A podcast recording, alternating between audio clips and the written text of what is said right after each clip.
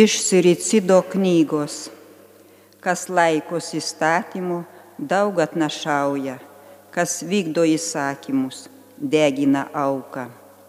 Juk meilės darbai tai atnašos valgių, o išmalda padėkos auką atstoja. Kas pameta piktą, tas viešpačiui mielas. Kas pameta skriaudą, tas atgailą daro nedrįsk tuščiomis pasirodyti Dievui, nes taip patvarkyta, kad reikia aukoti. Teisuoliogi atnašus aukurą puošia, jų kvapas pasiekia aukščiausiojo sostą. Teisuolio auka maloni yra Dievui, jo dovanus viešpats gerai įsidėmi. Tad dosniai aukodamas viešpati garbink tegul tavo rankos nebūna šikštuolės. Daryk gerus darbus, giedrai nusiteikęs. Linksmai su džiaugsmu atiduok dešimtinę. Kaip Dievas tau duoda ir tu jam taip duoki. Pagal savo išgalės dosniai ir noriai.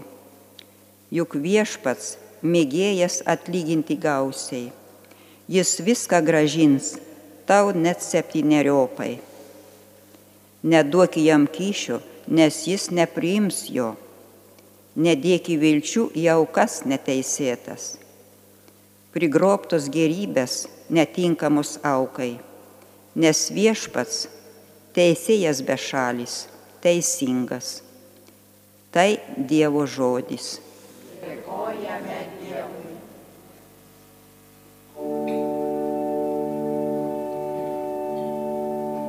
Dievas tiesiai žygiuoja, tam Dievas parodys išganimą.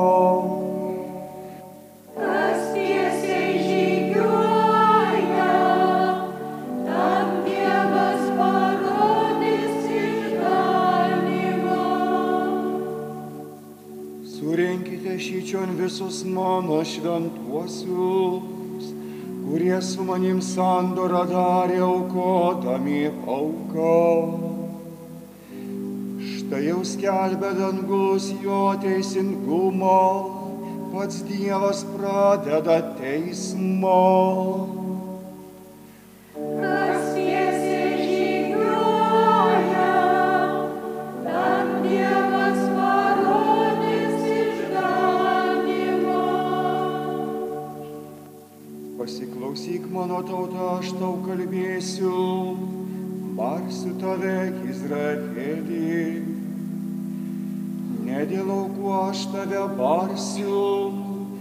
Deginamasias aukas visuomet man aukoji.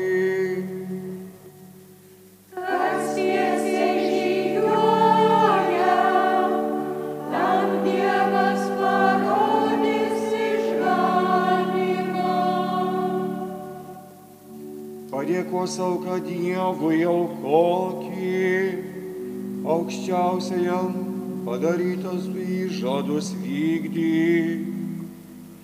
Kas šlovinimo auką aukoja tas mano gerbėjas, kas tiesiai žygiuoja, tam parodysiu Dievo išganimą.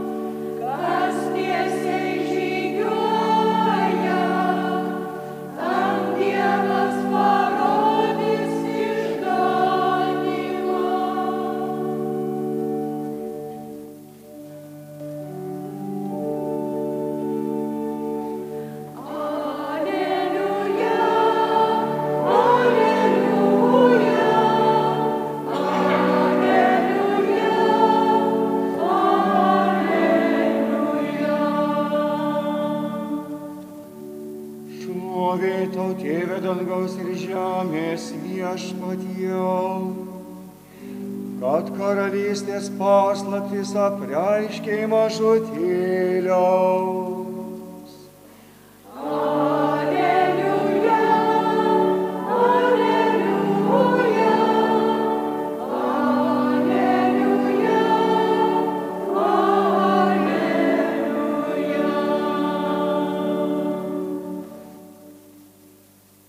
Viešpat su jomis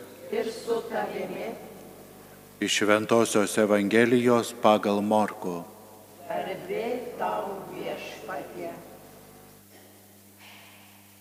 Petras ėmė Jėzui sakyti, štai mes viską palikome ir sekėme paskui tave.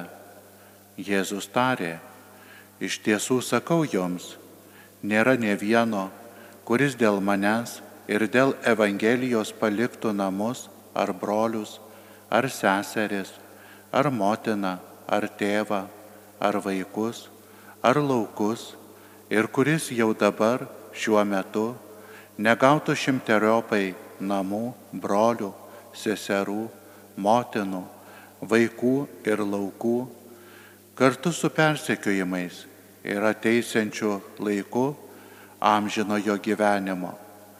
Vis dėlto daug pirmųjų bus paskutiniai ir daug paskutinių pirmieji. Tai viešpatė žodis.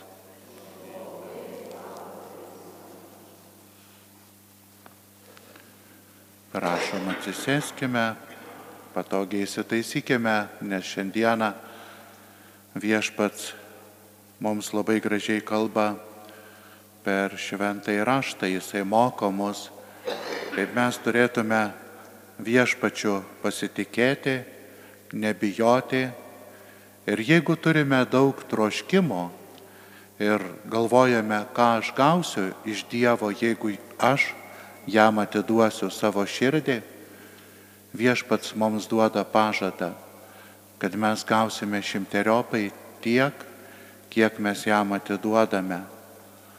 O pranašas ir atsidas labai gražiai mums kalba apie tai, kaip mes turėtume gyventi, kad mes būtume tie viešpaties mokiniai, kurie išgirstame jo žodį ir kaip pirmiesiems, kaip apaštalams Jėzus atėjęs po prisikelimo į aukštutinį kambarį ištarė ramybę jums. Tai būtent klausydamiesi Siracido knygos mes turime prisiminti, kad viešpaties ramybė ateina ir mums, kai mes juo pasitikime, kai mes užlaikome jo įsakymus, kai mes gyvename Dievuje ir Dievas gyvena mumise. Ir jeigu šiandieną prabyla pranašas mums į sąžinę, tai mes turime paklausti, ar iš tiesų mes galime pažvelgti į save, ar mes visuomet lyginame savo gyvenimą su viešpaties pamokymais. Vienas linksmas žmogus, jisai man kalbėdamas apie savo gyvenimą, jisai dažnai juokaudavo, sakydamas, kad mano sąžinė, kurią pasidėjau ant lentynos, jinai tiek daug apdulkėjo, kad aš net jos neber, e, per dulkės nebegaliu surasti. Jinai prapuolė. Kartais taip nutinka gyvenime, kad mums irgi sąžinė, jinai labai stipriai apdulka. Ir į save pažvelgti mums yra labai sunku. Toks gražus vienas pasakojimas yra apie vieną turtingą moteriškę, kuri turguje vaikščiodama ir jai žmogus pasiūlė priekeivis nusipirkti stebuklingą veidrodį. Ir jisai sako, kai jūs pažvelgsite į šitą veidrodį, jūs visada matysite visą tiesą. Ir kiekvienas, kas tik tai pri... pažvelgs ir prisilies prie šito veidrodžio, ir nesvarbu, kokią kalbą kalbėtų, jam tiesiog bus šitame veidrodyje parašyta. O jeigu jisai net kalbos nemokės ir net ausimis negirdės ir net akimis nematys, jisai savo protu suvoks visą tiesą, kuri eina iš šito stebuklingo veidrodžio. Ir moteris tiek sužavėta, sumokėjo didžiulius pinigus, parsinešė šitą veidrodį į savo prabangius namus, o jinai buvo labai pamaldi, labai šventa, rūpinosi uoliai savo gatvės našlaičiais, kurie aplinkui bėgiodavo, jinai melzdavosi kiekvieną dieną priimdama šventąją komuniją, nuolat atlikdavo išpažinti, priimdama atgailos sakramentą. Ir atrodo, jinai gyveno Dievo malonėje. Bet nelabai tai pasakysi apie tuos žmonės, kurie ateidavo pas ją. Ir jos draugės, kurios ateidavo išgerti arbatos, kurios norėdavo pasėdėti, pasišnekėti ir pamačiusios šitą stebuklingą veidrodį, jos pabandė išbandyti, kaipgi jisai, ar jis iš tiesų veikia. Nes šita moteris, kad ir kaip jinai žiūrėjo, kad ir kaip jinai lietėsi, jinai visą laiką jautėsi šito priekeivio apgauta, nes jis nieko nekalbėjo, nieko nesakė. Visiškai tylėjo, jinai pažvelgdavo, nuleisdavo akis ir nueidavo nuo jo. Bet kai priejo prie, e, prie šito veidrodžio jos draugės, jos net išsigando. Vienai šitas veidrodis pasakė, ir kaip tu drįsti vaikščioti su šitomis kojinėmis, kurias tu pavogiai iš parduotuvės. Kita prisilietė prie veidrodžio ir sako, veidrodis, ir kaip tu gali žvelgti į save, kai tu savo draugės vos tik joms pasitraukus šmeiži, Trečioji, kada prisiglaudė prie, prie pažvelgiai šitą veidrodį ir jinai pamatė užrašą didelėmis raidėmis. Ar tu turi savo sąžinę? Ar tu gali prisimti tą atsakomybę, per kurią tu sugroviai daugumos šeimų gyvenimus? Ir taip daugumai veidrodis parodė visas jų įdas, trūkumus ir šitie žmonės nebenorėjo užeiti pas ją į namus.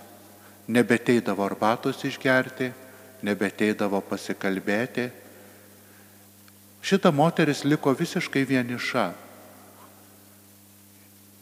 Ir jinai, nežinodama, ką daryti, iš sielvarto, iš tos begalinio tokio vienišumo, jinai pasiemusi didžiulį kūjis pradėjo daužyti į šitą veidrodį. Ir vienintelė atskilusi šukelė jai parodė, sako, negi ir tu bijai pažvelgti tiesą į akis. Ir šiandien mes, kada mes susirenkame maldai, kada mes prašome viešpaties, ir kreipiamės į jį, ar mes paklausėme viešpatie, juk tu esi mano tiesa, tu esi mano kelias ir tu esi mano gyvenimas. Ar aš bijau pažvelgti tau viešpatie į akis? Amen.